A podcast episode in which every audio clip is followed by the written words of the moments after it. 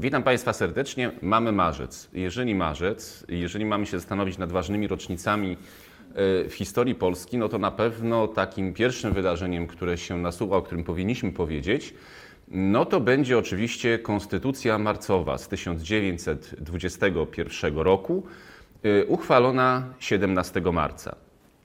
E, przypomnijmy, 26 stycznia 1919 roku odbywają się wybory do Sejmu Ustawodawczego. To ma być taka instytucja w rozumieniu ówczesnego naczelnika państwa Józefa Piłsudskiego, y, która ma po pierwsze wiązać społeczeństwo z instytucją państwa, przypomnijmy państwa, które się odradza po 123 latach zaborów. Y, po drugie, ma być oczywiście argumentem w oczach y, zagranicy, że oto mamy reprezentacyjne, demokratycznie wybrane władze nowej Rzeczypospolitej.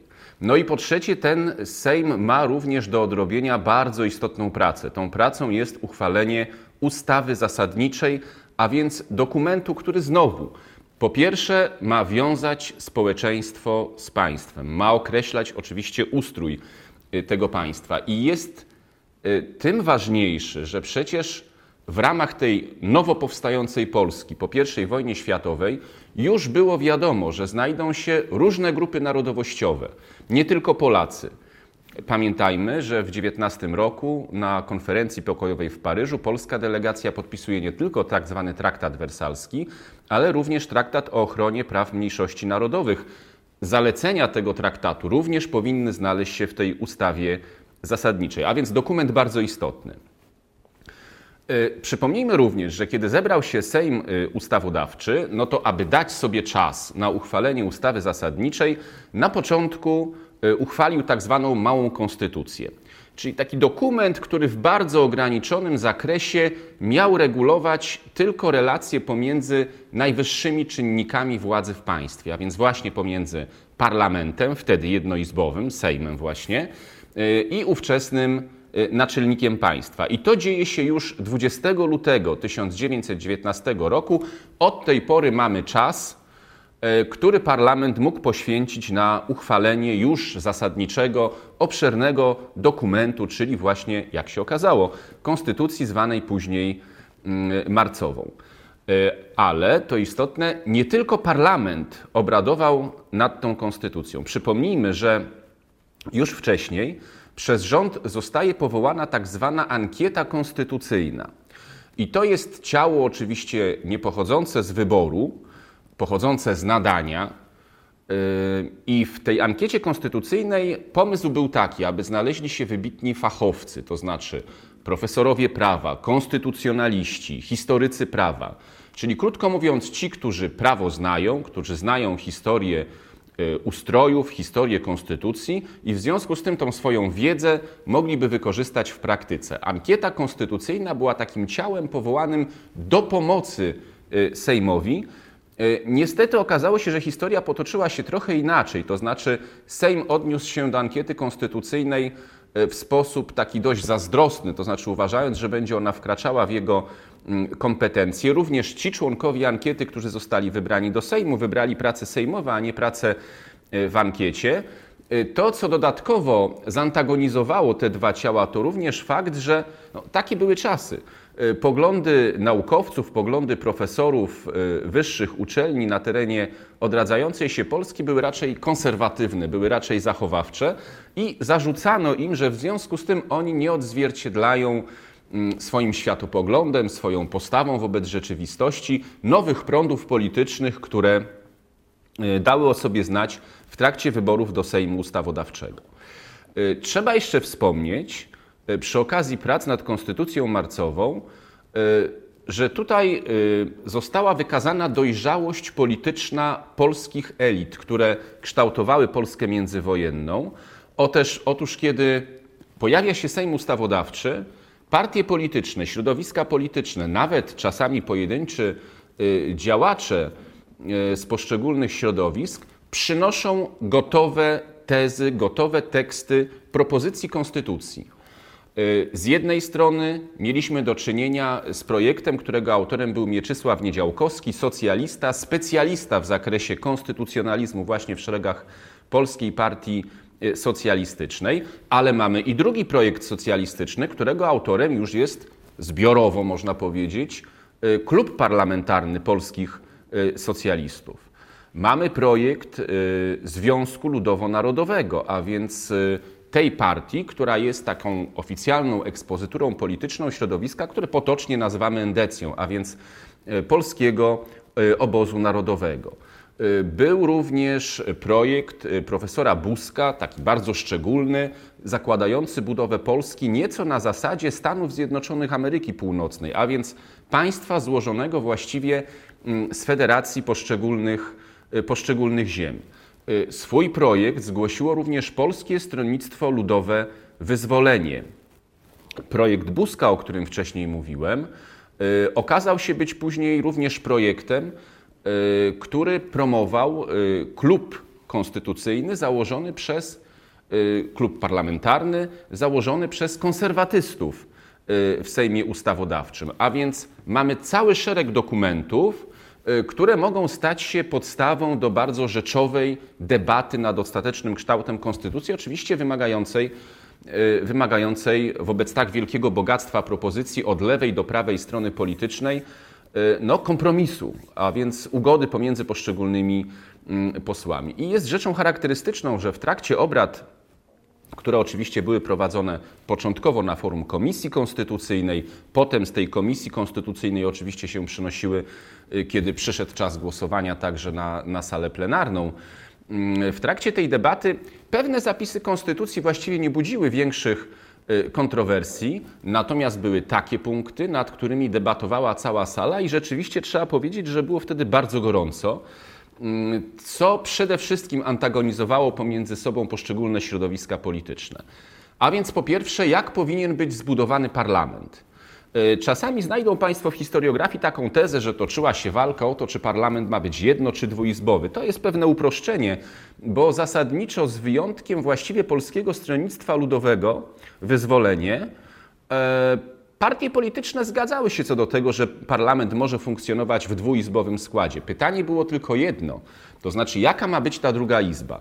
O ile prawica, obóz narodowy podkreślał, że to powinien być Straż Praw albo na przykład Senat, czyli taka izba, która miała stanowić taki swoisty wentyl bezpieczeństwa nad czasami zbyt radykalnymi pomysłami e, Sejmu, o tyle socjaliści mówili zgoda, niechże będzie druga izba, nazwijmy ją Izbą Pracy i niech ta izba zajmuje się ustawodawstwem socjalnym, ustawodawstwem społecznym, które później będzie mm, akceptowane przez Sejm.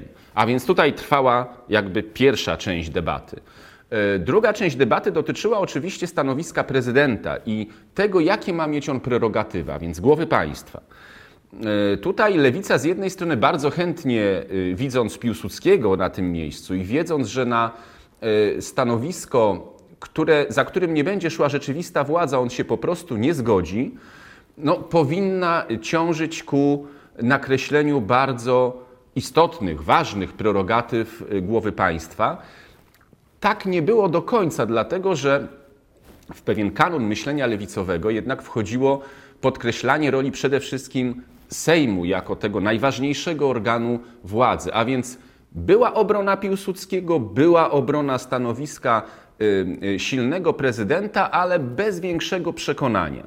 Natomiast z drugiej strony, również sytuacja paradoksalna. Obóz narodowy, który mienił się prawicą, który powinien dążyć w związku z tym, bo to też jest kanon myśli prawicowej, konserwatywnej, do mocnego, mocnej pozycji, tak? mocnego stanowiska prezydenta, głowy państwa, w ogóle silnej władzy wykonawczej, obawiając się tego, że Piłsudski zgodzi się zostać prezydentem, E, w związku z tym dążył do tego, żeby to stanowisko było jak najbardziej osłabione.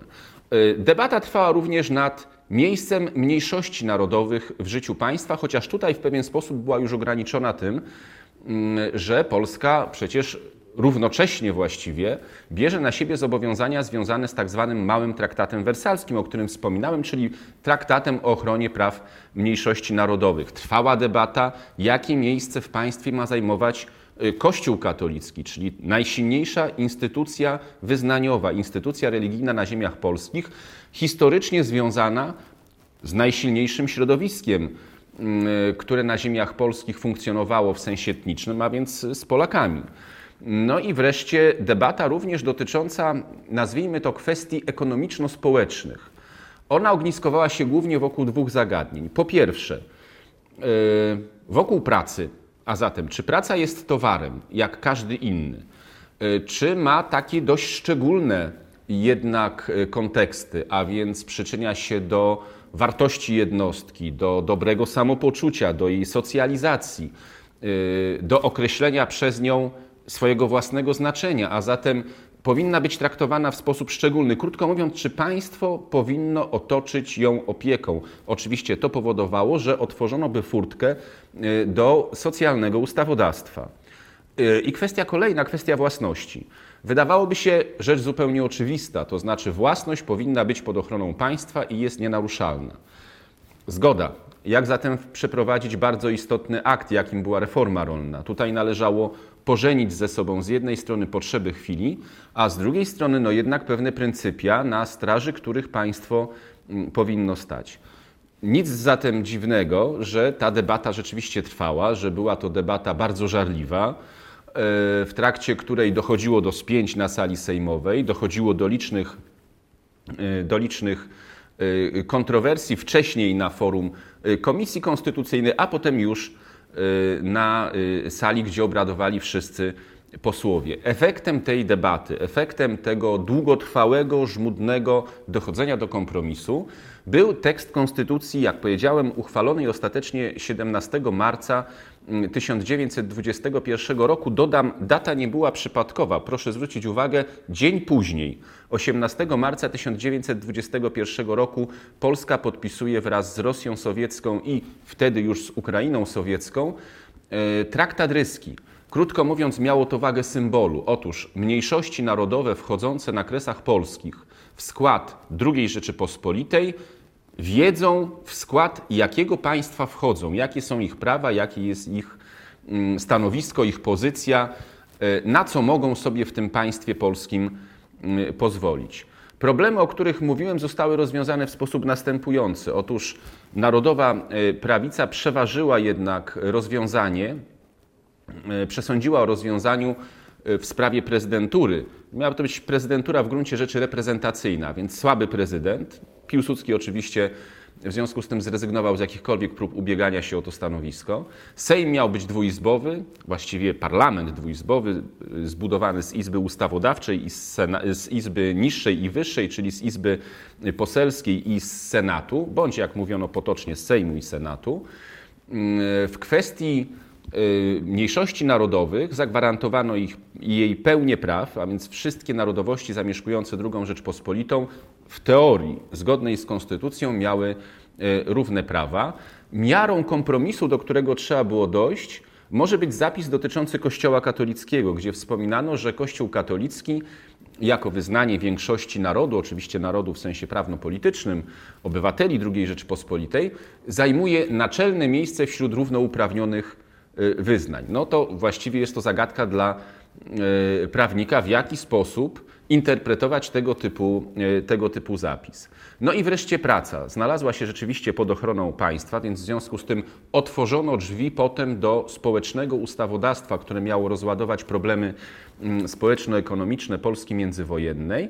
Przypadku własności państwo stało na jej straży. Zrobiono tylko jedno zastrzeżenie, za to bardzo istotne. Chodziło właśnie o ziemię. Jako szczególnego rodzaju własność nie mogła być ona przedmiotem nieograniczonego obrotu. To umożliwiło podejmowanie prób, a potem już przeprowadzanie także reformy rolnej w II Rzeczypospolitej. Przypomnijmy, głód ziemi na wsi był jednym z podstawowych problemów ekonomicznych e, tego państwa pomiędzy pierwszą a mm, drugą e, wojną e, światową. Konstytucja marcowa i wówczas, i dzisiaj jest oceniana w sposób niejednoznaczny. Jej plusem na pewno Ponadczasowym było to, że wprowadziła bardzo szeroki kanon praw i wolności obywatelskich. W tym sensie była dokumentem nowoczesnym, można nawet powiedzieć wyprzedzającym epokę. Natomiast wskazuje się również, że w istocie nie zachowywała podstawowego kanonu państwa demokratycznego, jakim jest trójpodział, ten klasyczny montesquieuszowski trójpodział władzy. Otóż ciężar został wyraźnie złożony rządzenia e, na barki parlamentu. Prezydent ani władza wykonawcza nie była tym czynnikiem stabilizującym czy równoważącym e, prace parlamentarne, a to miało stać się później jednym z istotnych powodów niestabilności politycznej II Rzeczypospolitej przed przewrotem majowym i w istocie miało utorować drogę do władzy Piłsudskiego, do władzy, przypomnijmy, e, przejętej drogą gwałtowną, drogą zamachu stanu w 1926 roku.